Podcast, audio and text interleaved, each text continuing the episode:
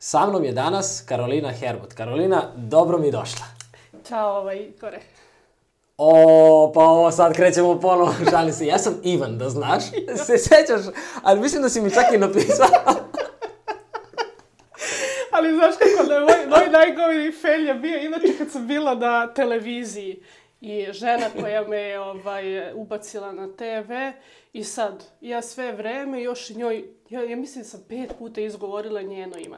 Ja nisam promašila, samo što to bila druga voditeljka. Jao. I ja nisam znala ni onu prethodnu. Ona mi Da, se da. javila, imamo emisiju, rekao super, ja sve vreme, onda na kraju kaže, rekao okej. Da, da, e, a znaš šta, ja sam navikao. Da, bukvalno, veruj mi, znači u, osnovnoj školi sam se odazivao kad kažu Igor, ja znam, nema Igora u odeljenju, ja znam da mene zovu. Na fakultetu sam bio upisan pred prvi ispit Igor Kosogor i nisam mogao da se ulogujem na ispit, pošto smo radili preko kompjutera. Znaš Ja kao, kako sam upisan? I oni kao, pa Igor, ja kao, ljudi, moramo ponovo da, Da, da. pričamo, Da, znaš. da. Ja sam, ja sam, Karo, ja, ja sam redovno, znaš, Katarina, Katarina. da, sad, sad sam htio kažem, da, da, samo me Katarina danas. Katarina iga, dobro.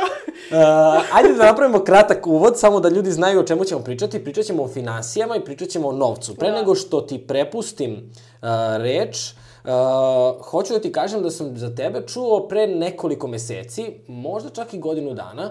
Uh, bili smo kod naših dragih prijatelja Zoe i Luke i tako nešto smo pričali. Sada znaš već kako uh, omladina već sa 25-6 godina kreće da razmišlja malo Da. kao... O, čekaj, šta ja tu imao kinti, nešto, šta se tu dešava, znaš? Ne svi, ali ima izuzetaka. I Zoja mi kaže kao, e, kupila sam strava kurs od jedne žene koja razbija finansije. Ja kao daj da vidim, uopšte nisam znao da kod nas ima. I tada mi ona pokaže tvoj sajt, ušla je da vidim kako izgleda kurs. I ja sam bio u fazonu, kao, baš mi je čudno da do sada nisam razmišljao da kod nas postoje eksperti za to. I baš sam se radovao i kad smo se dogovarali, ja sam ti rekao, evo, tad znam za tebe, baš mi strava da te upoznam i da, da naučim nešto, nešto novo tebe. Tako da, uh, prvo pitanje koje bi možda moglo da bude jeste da li je mit zaista da je zgužvan novac u džepu znači da nećemo imati para. Šalim se. Šalim se. Ali si čula za to? Ne, za, Stvarno? za to još nisam čula. Za zgužvan novac u džepu, kao ako ne vodiš računa o novcu u džepu, kao nećeš imati...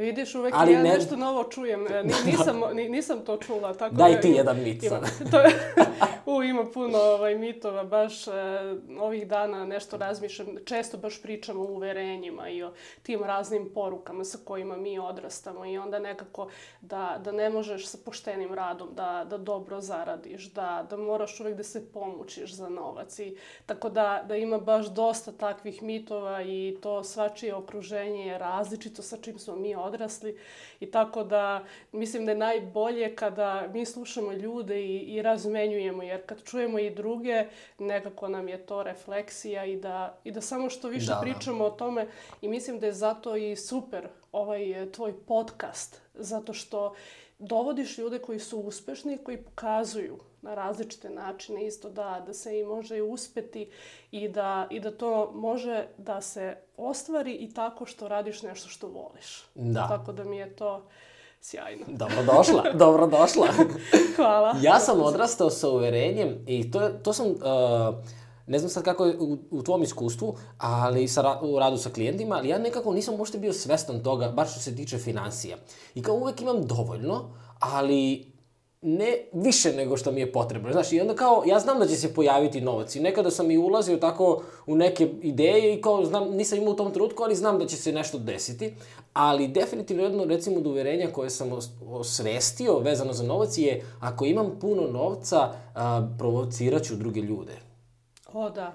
I kad sam shvatio kao, čekaj, pa da li je to stvarno istina? Da li ću ja stvarno provocirati nekoga da, ne znam, da mi ukrade nešto ili da, da me otme ili, me razumiješ Da. kao koja god vrsta provokacije, ali kao, uopšte nisam bio svestan tog modela da radi. Sa kakvim se sve modelima ti, ti susrećeš? Pa ovo što si rekao je interesantno zato što to je jedna, postoje neka standardna uverenja ili se čak zovu nekad i blokade što se tiču novca i jedno je od toga da, da na primjer, upravo taj deo da ako budem dosta zarađivao ili ako uspem, znači nije, nije to samo isključivo vezan za novac kao takav, nego i za uspeh i da onda će možda, e, možda ću da izgubim neke prijatelje, možda će oni nekako na to čudno jel da gledati, jer ako ti krećeš da zarađuješ više i ako odskačeš prosto od, od svoje okoline, možda neki ljudi krenu da, da se lošije osjećaju, bez obzira što, što se tvoje ponašanje ne menja. I tako da je to nešto, mislim, prosto znam ljude kojima se to dešavalo i mislim da smo tu zajedno da, da radimo na tome i na tim našim uverenjima i da na kraju krajeva da i nama ne bude neprijatno kada imamo pored e, sebe nekog ko ima više novca i da e, koliko ljudi verovatno kada čuje da neko ima više novca odmah pomisle kao mora da je neki mafijaš.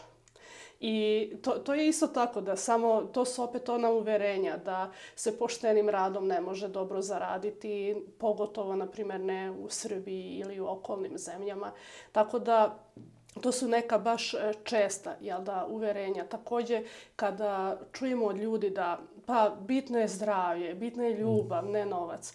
Kao, kao da mi moramo sad jel da, da biramo da li ćemo mi mhm. e, zdravlje ili ljubav, e, a niko ne kaže da je novac bitniji od zdravlja. Naravno da nije bitniji, ali sa druge strane, da li novac znači da mi budemo e, i zdraviji, da se i zdravije hranimo, da, da možemo nekako neke navike da uvrstimo i ako imamo možda neki zdravstveni problem da to rešimo, pa naravno da, da novac tu znači. I to je isto u vezi kada pričamo o partnerskim odnosima, da se vratim na to ranije uverenje da ako neko recimo ima više novca, e, naročito na ovim prostorima gde, gde su možda i neka patrijarhalna uverenja više. E, isto prosto može da se očekuje da sad ako recimo e, imaš neku ženu koja više možda zarađuje u porodici nego e, partner, može da se nekako, može da se izgradi to uverenje kao možda će tu nastati nekih problema. A tu smo svi zajedno na to, da, da menjamo to, zato što zašto bi to bio problem u nekoj porodici bitno je da naravno e, su ljudi složni i ako pričaju i, i da se priča o tome jer je novac tabu. Dakle, da, da, da. Dakle, to je e, nekako kod nas čini mi se da sa jedne strane možda volimo da, da se hvalimo o, o nekim stvarima i baš e, neki dan sam vodila razgovor o tome na koji način u recimo u zemljama kao što je Amerika na primer. E, I tamo ljudi često sastavljaju kraj sa krajem. Ali i ovde je to kod mnogih ljudi situacija, ali ovde imamo tu situaciju da recimo su tu dečji rođendani slave i ljudi uđu u kredite da bi organizovali slavu. I to je sad jel da jedna absurdna situacija zašto mi nekako imamo tu potrebu Da li je to dokazivanje? Da li je to, jel da, ego? Ja sam ranije čak i pisala jedan tekst o tome koliko košta naš ego i taj socijalni pritisak. Dakle, e, i to, to je nešto što mi samo prema sebi trebamo da budemo iskreni. Mm -hmm. ali, se toga tiče. Ali ta uverenja su i, složit ćeš se, nasleđena i prosto... Uh, ne znam, sada, sad kad pričaš sve vreme, razmišljam o tome kako je uh, kod ljudi, bar što se tiče novca je to baš dokazano, da ljudi se fokusiraju, svoju pažnju smeravaju na ono čega im, uh, što im najviše nedostaje. I oni koji najviše pričaju novcu, zapravo kada ne pričam sad ti si stručnjak pa pričaš o novcu, to ti je posao, ali da. razumeš me šta kažem. Oni koji non stop pričaju o materijalnim stvarima, o novcu i tako dalje, i žele da prikažu da imaju znak je da verovatno nemaju toliko koliko smatraju da bi bilo potrebno da imaju. Na primjer, razumeš? Dok da. ljudi, moji prijatelji koji, za koje znam da su imući i tako da, nikada se ne govore o novcu. Jer nemaju potrebu da pokažu nekome da imaju novac, jer ga imaju. Znaš? Da.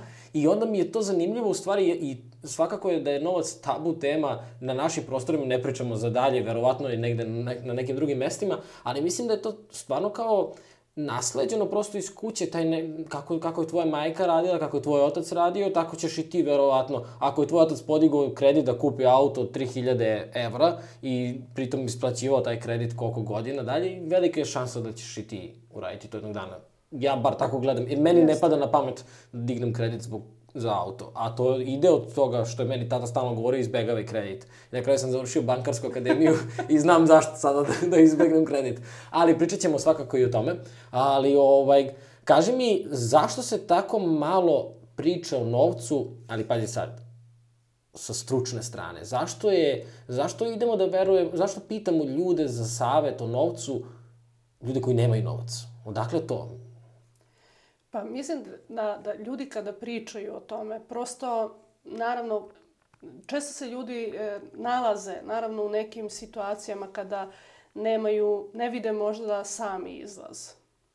Da li je to usled kredita ili nekih e, drugih e, situacija i onda priča se o tome, naravno.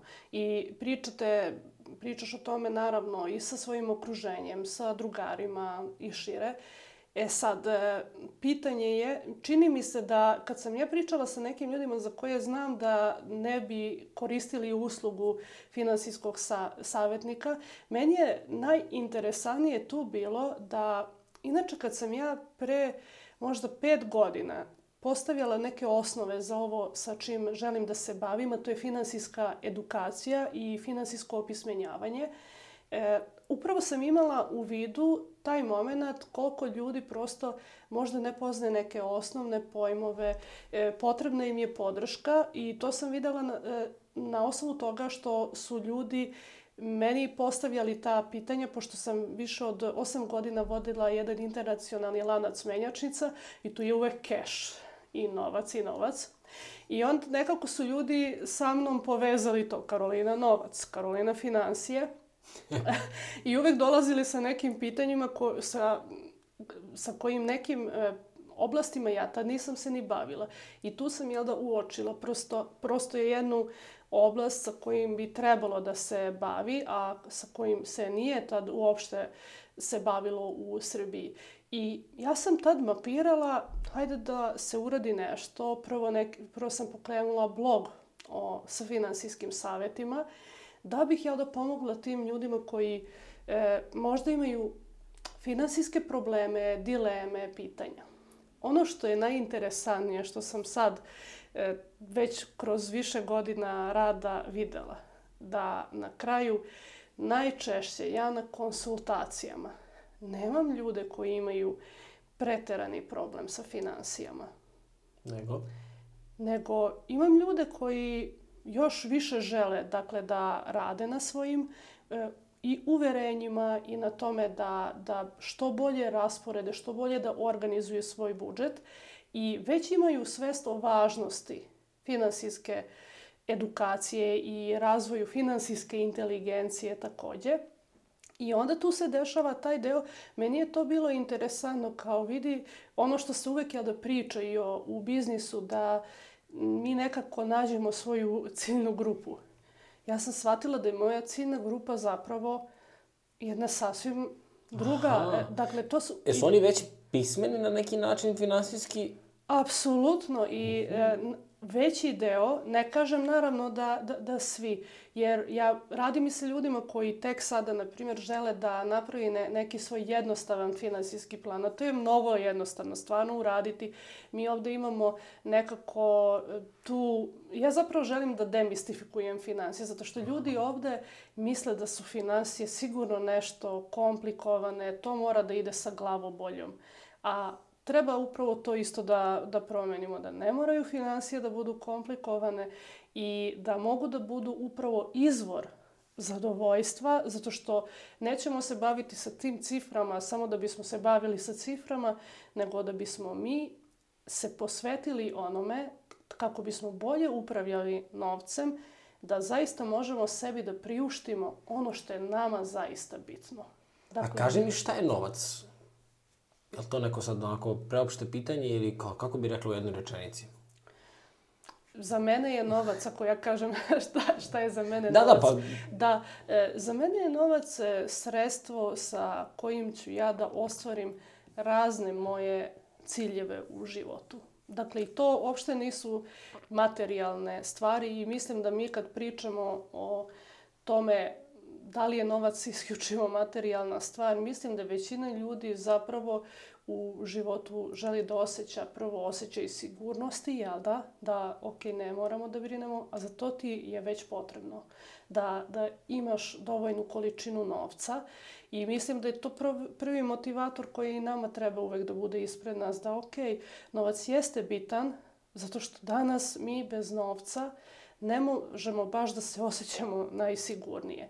I zbog toga je prvo, dakle, za sa jedne strane je novac to nešto što nam je da nekako garantuje neku bazičnu sigurnost.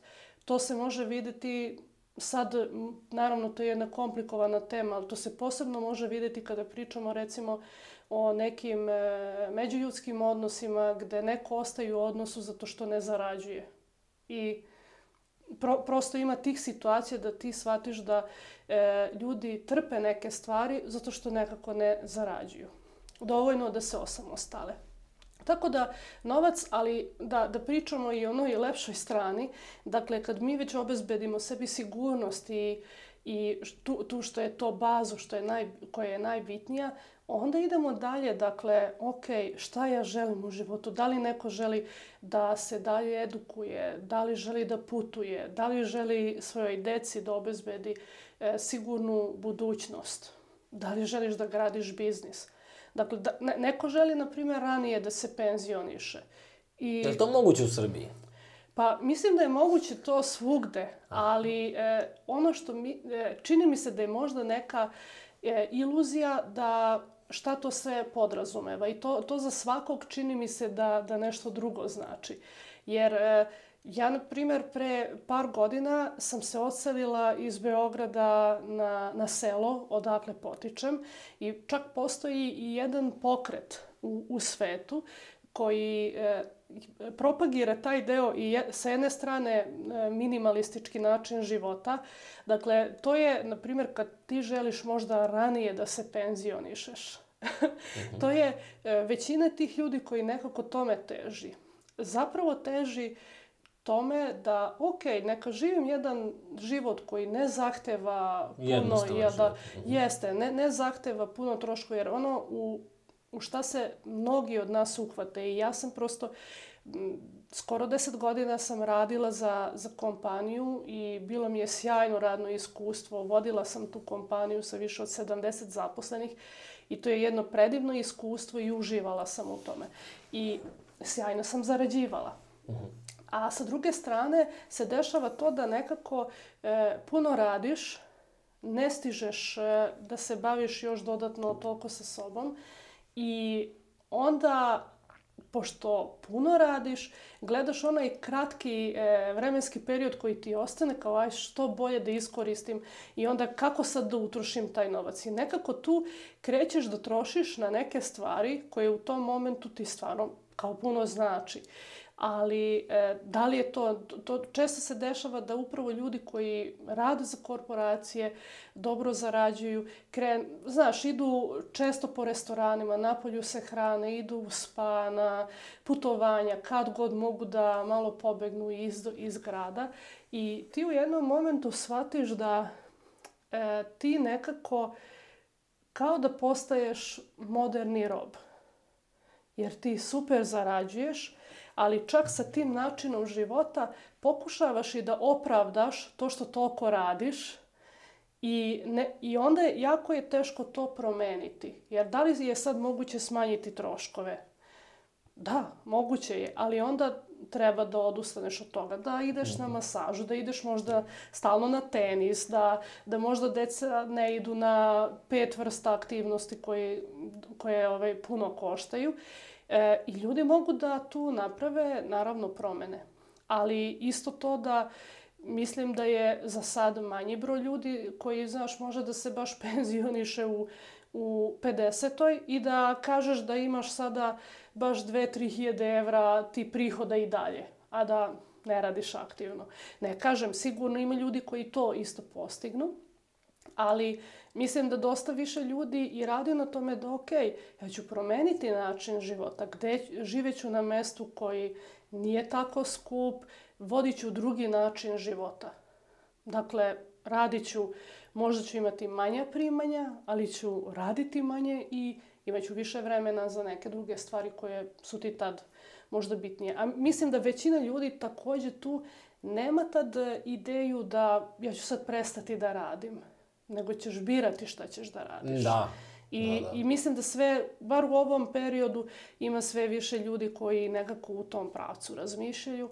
A, I mislim da je to i dobro, naravno, ali ne, ne može uvek da, da, da bude tako. Nekad treba stvarno da se uhvatimo posla, da, da zaradimo.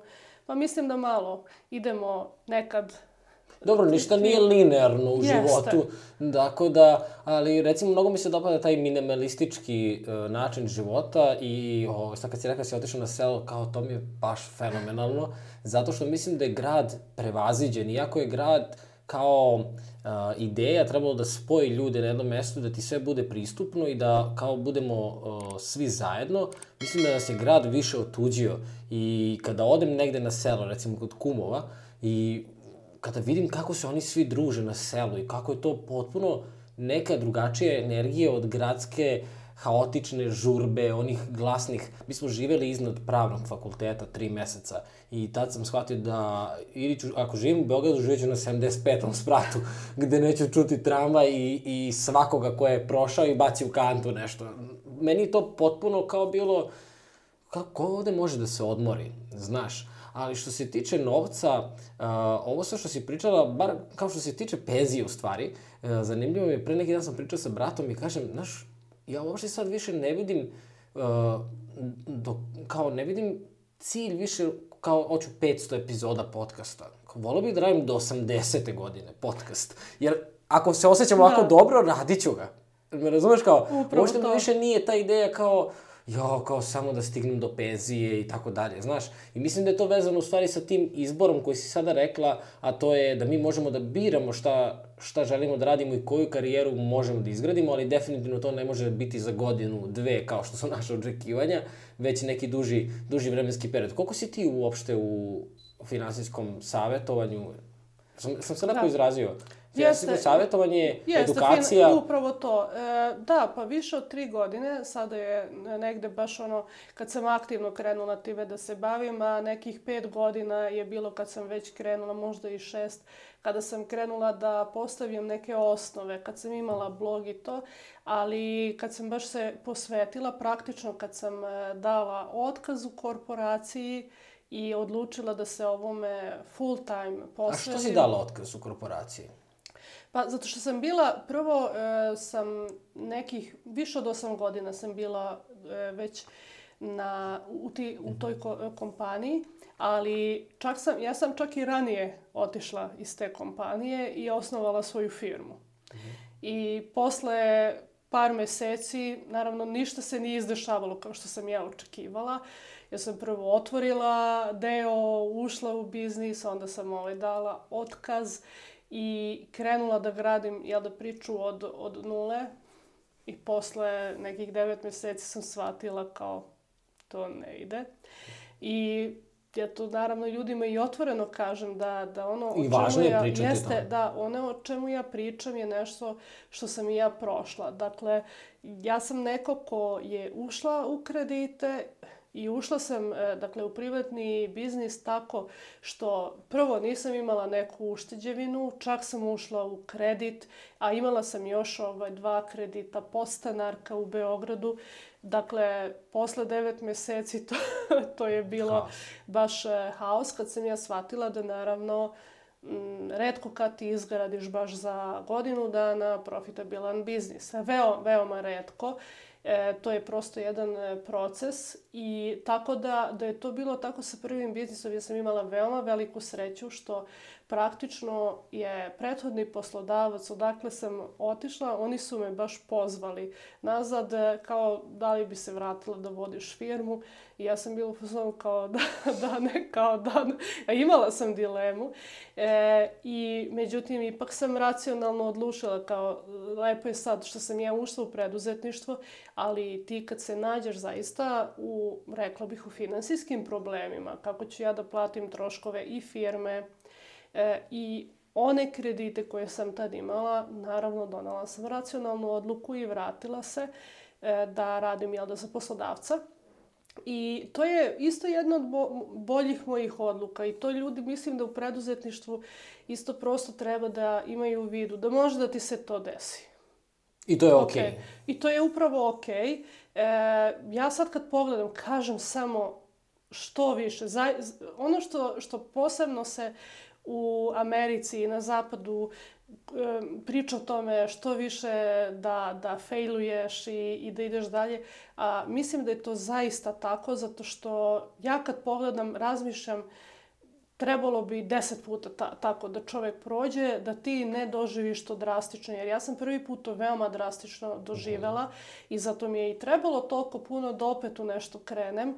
A ja čim sam se finansijski stabilizovala opet u korporaciji, ja sam opet osetila istu tu želju da uđem u preduzetništvo. Samo tad sam imala i strah od ulaska u, u preduzetništvo zbog prvog Prethodnog. jeste je pr, prvog iskustva, ali zato sa druge strane e, sam onda drugačije pristupila. Dala sam sebi vremena, nisam požurivala, krenula sam sa blogom, dakle polako sam gradila priču i pustila sam sebe da, da zaista da oslušnem sebe, ok, šta je za mene sad najbolja odluka i krenula sam baš dodatno namenski da štedim za, e, za tu odluku.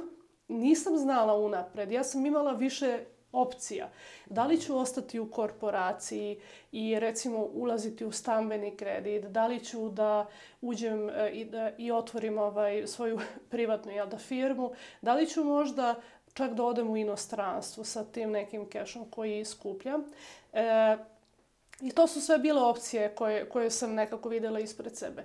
I ono što je najbitnije, dakle, da drugi put sam ja ušla već u taj e, biznis tako što na kraju je prevagnula ta odluka da uđem u preduzetništvo, da se bavim ovim e, sa čime se i danas bavim, da podelim i moju priču. Uh mhm. -huh da ljudi eventualno e, preskočete neke greške koje sam ja, ja pravila, kako i u biznisu, tako i sa ličnim. Kaži mi neku grešku, koja je pa, jednu, na primjer, od pa, tih? Pa ovo je prva jedna, e, prva greška je to da, da sam ja, e, prvo, prvo prvo je bilo što sam ja registrovala DO tako što još nisam imala ni, ni konkretan, ja sam imala biznis plan, ja sam uradila sjajan biznis plan za, za pet godina koji je bio pozitivan, sa pozitivnim cash flow. Samo se to nikad nije realizovalo. I zapravo sam ja prvo trebala da istražim e, tržište. Dakle, da, da istražim e, konkretno tržište, da vidim da li za tim ima e, potrebe i onda da registrujem firmu. A ja sam htela da ja odmah budem ozbiljna, ajde, otvaraj Karolina DO. Znači, to je jedna od grešaka. Drugo, ušla sam u oblast koji ja tada nisam poznavala. E, radila, to je bio grafički web design studio. I e, ušla sam i u neke web projekte i projekte grafičkog dizajna koje ja tada nisam konkretno poznavala. Dakle, i onaj sajt, to jest dva sajta sam gradila, od kojih sam ja posle žela naravno da imam prihode i moja ideja je da oni budu u pola, mes, u pola godine gotovi, kao što sam ja i sa programerovima pričala i dobila ponude. Naravno, jedan od tih sajtova nikad nije realizovan, na kraju krajeva, drugi sajt je realizovan otprilike godinu dana kasnije sa trećim programerom. Mm -hmm. Dakle, sve u svemu i naravno i treća stvar je da, da, da moja ideja da ćeš od toga tek tako živeti, to, to nije to. to. To je postalo kasnije neka vrsta pasivnog prihoda, ali to je postalo posle 4-5 godina tog Da, da. sajta. Dakle, taj sajt dan danas postoji. Ali hoću reći da nekako e, ulazak u neki, ne, neki sektor m, što ne poznaješ, Ja sad dobro danas mogu da kažem da sam realizovala web projekte i, i mobilnu aplikaciju sam tad isto razvijala sa, sa programerima. Tako da, eto, to, to kažem da to, to je neko iskustvo što kažu je skupo, ali je... Vredi. Sku, jeste, vredi svakako. I možda bih isto istakla još jednu, ako treba, naravno o greškama baš da pričamo, kad sam se ja vratila u korporaciju i videla da taj biznis ne ide, meni je bilo veoma teško da zatvorim taj deo. I sad deo je da i ne može da se zatvori preko noći, prosto postoji procedura koji tra, koja traje par meseci. I, jer to je bio za mene... E, Poraz. Jeste, poraz. To je bilo da sada zaista ja stavljam tačku na to i priznajem da to nije išlo. I onda sam još godinu dana, dok sam ja radila u toj firmi, imala taj deo otvoren i plaćala poreze i doprinose. Dakle, to je isto nešto što... Ali to je uverenje. Znaš, ovde kad si mali, kad padneš, dobiješ batine što si pao. Znaš, malo pre kad si rekla Da, što, se da. plašimo, što se plašimo Jeste. poraza i failova, recimo u Americi kad padneš, oni te pitaju si dobro. Ili ako si baš pali, onda ti tapšu kad ustaneš. Da, da, kao... Ovde kod nas si nesposoban ako padneš. Da, da. Znaš, Ili nemoj i- da padneš ovaj previću. Tako je, To, to sam ali- pre neki dan čula baš na ulici. Vidi, ali to je zastupljeno, ej, non stop. A drugo pitanje koje sam teo da te pitam Da. vezano za izlazak iz korporacije, da li su ti ljudi čestitali kad si dala otkaz? Da, dosta ljudi. Kako je to kod nas uopšte prihvaćeno kao kada radiš za neku firmu, veliku korporaciju, da je znak da si nesrećan? I da ti čestitaju kad si se oslobodio ropstva, Da. što uopšte ne mora da bude tako. Ne mora da ali, bude. Ali zamisli kako Da. je, znaš, kao kod nas je kao, je kao dala sam otkaz, kao bravo. Kao, zašto bravo? I mislim da baš zbog toga, to, to si super re- rekao, apsolutno ja ne mislim da, da je loše raditi u velikim firmama ili za poslodavca. To i, i, mo, i može neko čak ko ima preduzetničke ambicije da, da u jednom periodu života radi za, za Ja drugog. bih rekao da je to, izvini što te prekidam, da je to kao uh, apsolutno da moraš to da radiš. Jer ja kad sam, sa uh, 2014, 2015. godine, kada sam krenuo kod, da radim kod mog mentora Sini Šubovića, pa tih šest godina koliko sam tu učio, upijao znanje, pa to kao ne bih mogao nigde da pročitam i kao sad 19 godina, ćao, ja ću kao sada da... Znaš kao, Da. prođi kroz taj put, uzmi znanje. Mislim, može da se kaže ukradi znanje, upijaj znanje, kako god, ali uspešni ljudi će uvijek da ti pomognu i pritom korporacije su sjajan poligon da vidiš kako stvarno stvari, stvari funkcionišu. Jeste i, i, ne, i baš ovo što si rekao da što se tiče i naravno to je super i lepo je kad ti čestitaju zato što uđeš u preduzetništvo, ali isto je jako važno da, da ljudi, ljude podržimo i to kada im ne ide i da podržimo da se i vrate upravo. Mislim da korporacija, preduzetništvo možda i ne treba jedan drugom da budu, e, naravno, oni su onako suprostavljeni negde, e, različiti su, ali možda se upravo i podržavaju, zato što tebi je super kada ti ne prođe dobro sa biznisom, ok, vratiš se u korporaciju i obratno. I na kraju krajeva zašto i mnoge velike korporacije često uzmu, jel da, i kupe male start-upove. Dakle, to postoji ipak jedna sprega. Dakle, mislim da, da ljudi e, ne moraju uvek da ili ili. Znači, treba da se to isto prihvati, da je to jedan tok, proces. Da. Danas je trend, u stvari, preduzetnik, a ne znam, Ivan Minić mi je bio u podcastu i kad smo krenuli podcast, kao ok, pričat ćemo danas i on se ubacuje i kaže, pričat ćemo o tome zašto ne treba da uđete u preduzetništvo. Jer kao stvarno svi pričaju kao budi preduzetnik, otvori svoju firmu, kao da je to nešto sad tako lako, kao da iz, izađe do prodavnice. Zapravo je to ozbiljan proces i zahteva mnogo odricanja i potpuno izgleda drugačije. Ne znam da li si čitala knjigu Mit o preduzetništvu Nisam. fenomenalne. Uskratit ću ti u, u samo par crta. To je Mira voli da pravi kiflice, Mira otvori pekaru, Mira čisti, ide u nabavku, plaća porez, ide kod knjigovođe, Mira najmanje pravi kiflice. To je preduzetništvo u početku. Znaš, voliš ti nešto da radiš, ali onda kreneš da radiš još gomilu drugih stvari i na kraju ono što si najviše volio da radiš ti se zgadi.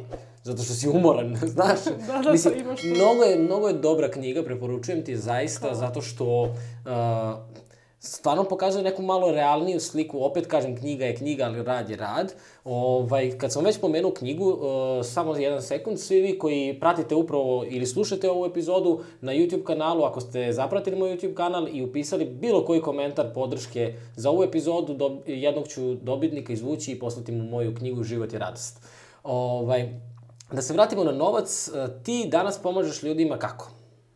Pa pomažem sa jedne strane da oni koji žele da stvore ili uvećaju ušteđevinu, e, pomažem im sa jedne strane u finansijskom planiranju, a naravno kako da, da to urade, kako da dođu do, do toga da im i na kraju meseca ostane novca ili da ostane više novca. Ma je li to Oni- moguće?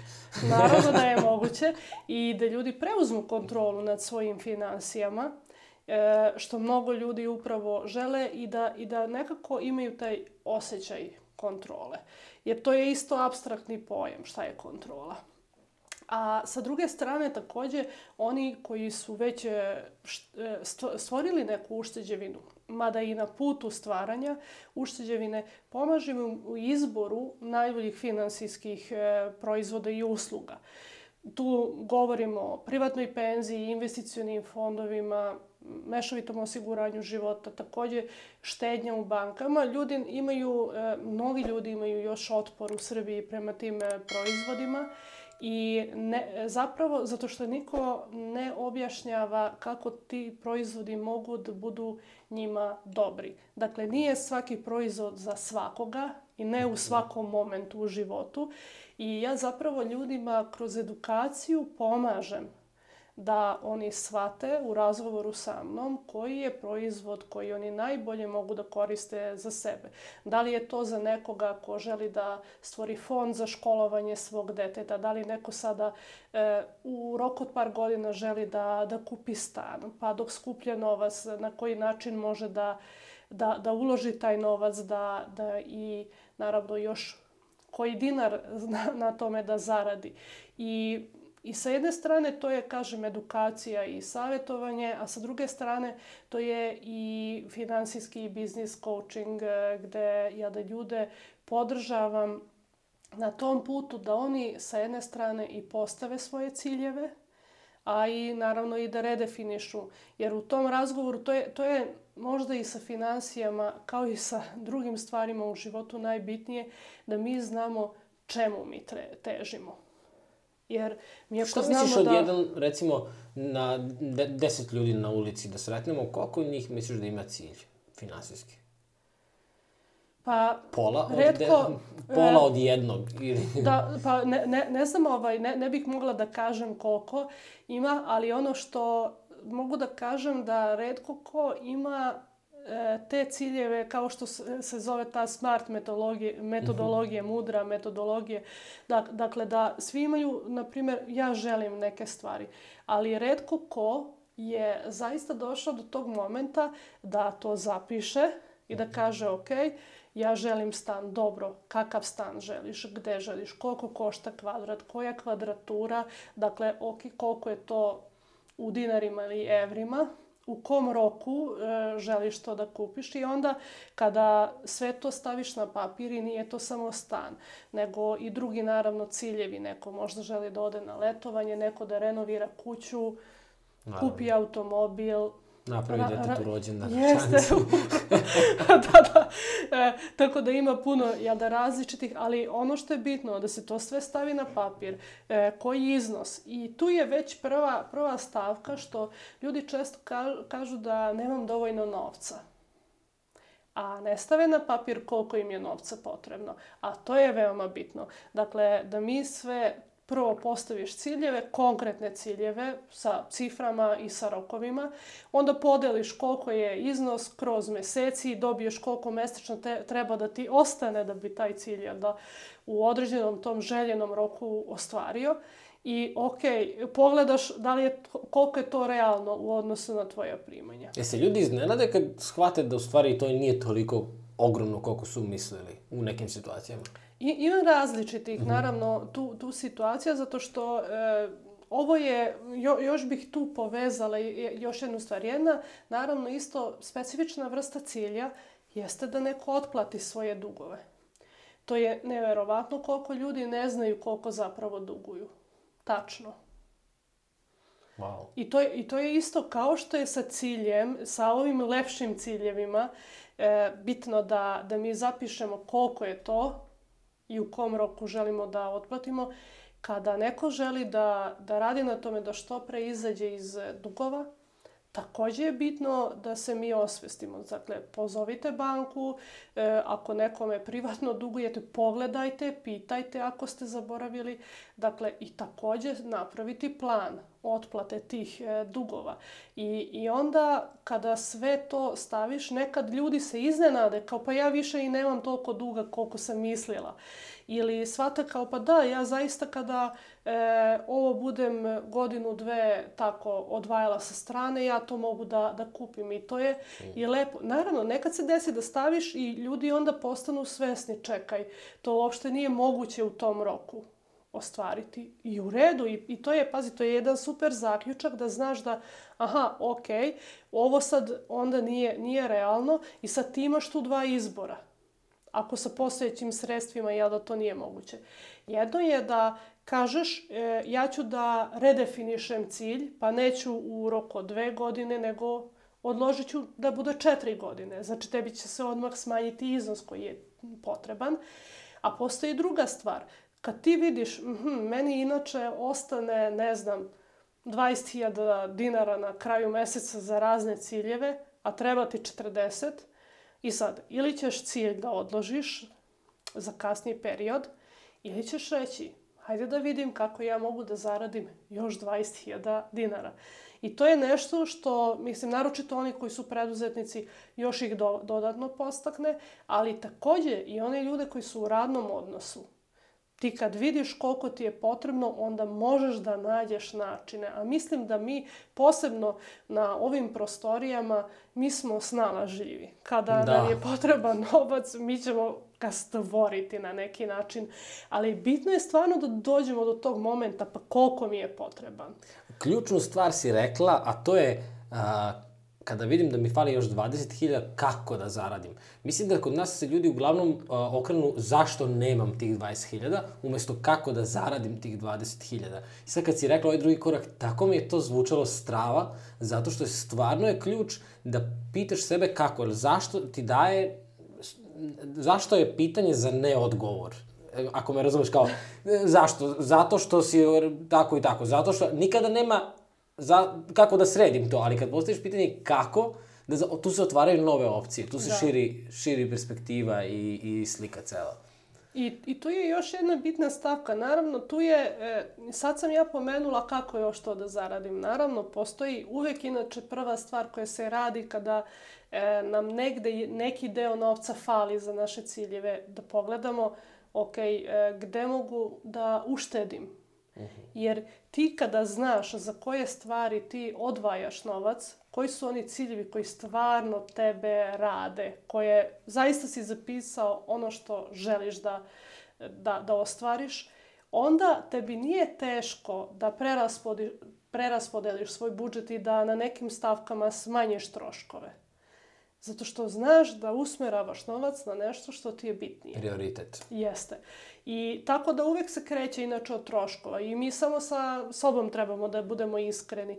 Jer ne, ne može, verovatno, e, budžet moj nije isti kao tvoj, šta je moj minimalni trošak mesečni nije kao tvoj. Dakle, i ne treba tu sad neko nekom da kaže koji je minimum. Dakle, to, to se razlikuje, ali jeste bitno taj moment da mi sa sobom budemo iskreni i da testiramo. Dakle, treba da ljudi pokušaju prvo da beleže, jer dok ne beleže svoje prihode i troškove, e, teško da smo mi baš svesni toga. Da, da. I često, e, i ne samo koliko smo potrošili i na šta, nego oni koji su preduzetnici, oni nisu svesni toga ni koliko zarađuju, baš. Imaš taj osjećaj da li je to dovoljno, nije dovoljno. A to dovoljno je dosta jedna subjektivna kategorija. Zamka. A kaži mi, jel koristiš neku aplikaciju, sad kad si rekla da se beleži, ja imam, uh, ja koristim na, na telefonu, ne znam da si čula, mm -hmm. za Money Manager aplikacija. Da, jeste ta ovaj... Ali sam prestao. Koristio sam tri meseca i kao, sad kad je bilo korona i sve, kao ništa nisam bio, kao, ne mogu i, i sad moram ponovo da krenem. Ali baš je dobro, stvarno vidiš neke stvari kao, je moguće da sam toliko potrošio na restorane ovog meseca, kao nisam imao taj utisak kao, okej, okay, da. malo kočnica, znaš. Jeste. E, definitivno, Money Manager kao aplikacija je super i ja baš e, nju e, preporučujem. Stvarno? Jeste, jeste, baš ovaj, to crvena kasica pracica. Da, da, da, da. Ima i za Android i za iPhone. A inače, dakle, ima, imaš ljude koji vole da beleže naravno aplikacije, neki u tabeli, oni koji vole u tabeli da beleže mogu preko mog sajta prijavom na mailing listu, listu da preuzmu a, a, automatski će im stići ovaj, moja tabela i primer i tabele sa upustvom. A čak i... Svi koji hoće da se prije, bit će ispod link da znaju, ok? Da, i tako da, i to je, mislim, neko voli tabelu, neko voli aplikaciju, sve ima svoje. Ja recimo koristim tabelu zato što je, kada pogledam, vidim e, svih, pošto radim i finansijsko planiranje u samoj, imate tu opciju, i onda za svaki mesec vidim unapred. I meni znači da ja znam, aha, ja u oktobru imam registraciju auta, e, kad mi je kasko i kad imam neke rođendane, i to mi vizualno znači. Naravno, ko, kome god šta, šta odgovara, to je bitno samo da, da, da ne bude to razlog kao e, neću zato što ne volim tabelu ili neću zato što ne volim aplikaciju. Ako nešto drugo, čak i u sves, svesku neko da beleži, ali mnogo je bolje naravno aplikacija ili tabela zato što onda imaš unazad pregled. Mm -hmm. A, privodimo polako kraju i još jednu stvar samo bih se osvrnuo, to je uh, potrebna je određena doza hrabrosti da pogledaš i svoje troškove i da se suočiš sa tim uh, da zapravo trošiš novac na stvari koje ti nisu, nisu potrebne, nisu prioritet, ali popunjavaju tu neku prazninu koju osjećaš da li zato što radiš posao koji ne voliš, iz miliona nekih zašto nisi zadovoljan sobom, iz miliona nekih razloga. I mislim da je zapravo to nas vraća na početak priče, to su ta uverenja koja možda nisu univezana samo za novac, već za ko zna koju stvari da treba stvarno preispitati uh, rekao bih, model našeg funkcionisanja. I ta neka vaga bi trebalo da se, da se napravi, kao što moj uh, dobar prijatelj kaže, fore u balansu Nemanja Milović, i mislim da stvarno treba da, da skupimo hrabrost, da se, da se preispitamo. Uh, pričaj mi, e-book znam, novi kurs izlazi, kaže malo o tome. Da, neko ko želim da krene sa financijama, svima preporučujem naravno moju e-knjigu o kako do finansijske slobode e, i upravljanje ličnim financijama, jel da u sedam koraka kako da ljudi dođu do, do ostvarenja svojih ciljeva.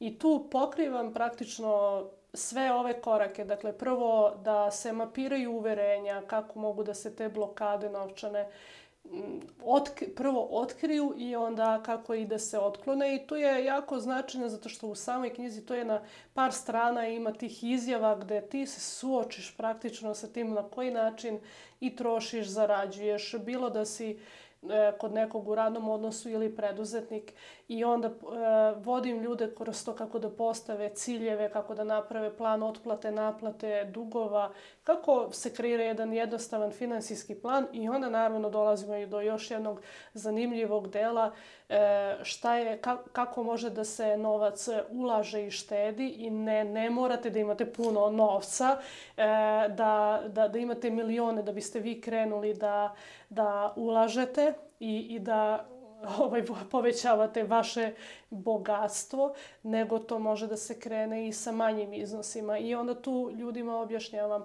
kako funkcioniše u Srbiji i privatna penzija, investicioni fondovi, mešovito osiguranje života, štednje u banci I tako da i na kraju pričam i o tome na koji način ljudi mogu da automatizuju svoje financije.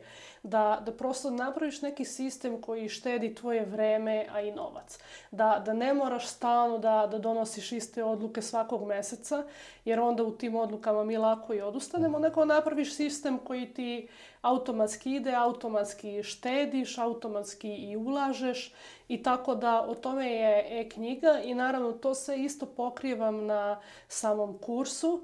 E, samo što na kursu imamo baš interaktivni deo gde zajedno radimo, radimo u grupi, imamo i zatvorenu Facebook grupu, tako da i tu su ljudima i video lekcije, tako da... Kako se zove kurs? Online kurs o financijama. Online kurs o financijama, okej, okej. Da, tako da to je i sve na, na mom sajtu i generalno na e, svako koga interesuju financije ne postoji izgovor da ne krenu zato što već na sajtu ima puno besplatnog sadržaja. E, da li su to blog postovi, da li je to naravno e-mailing lista i sa druge strane i ova tabela koju e, mogu da koriste ljudi besplatno, tako da nema izgovora.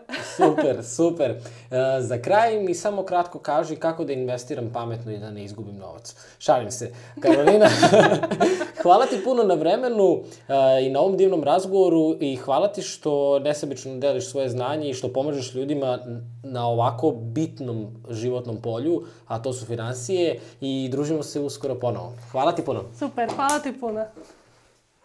Hvala vam što ste pratili još jednu epizodu podcasta Da, ti to možeš.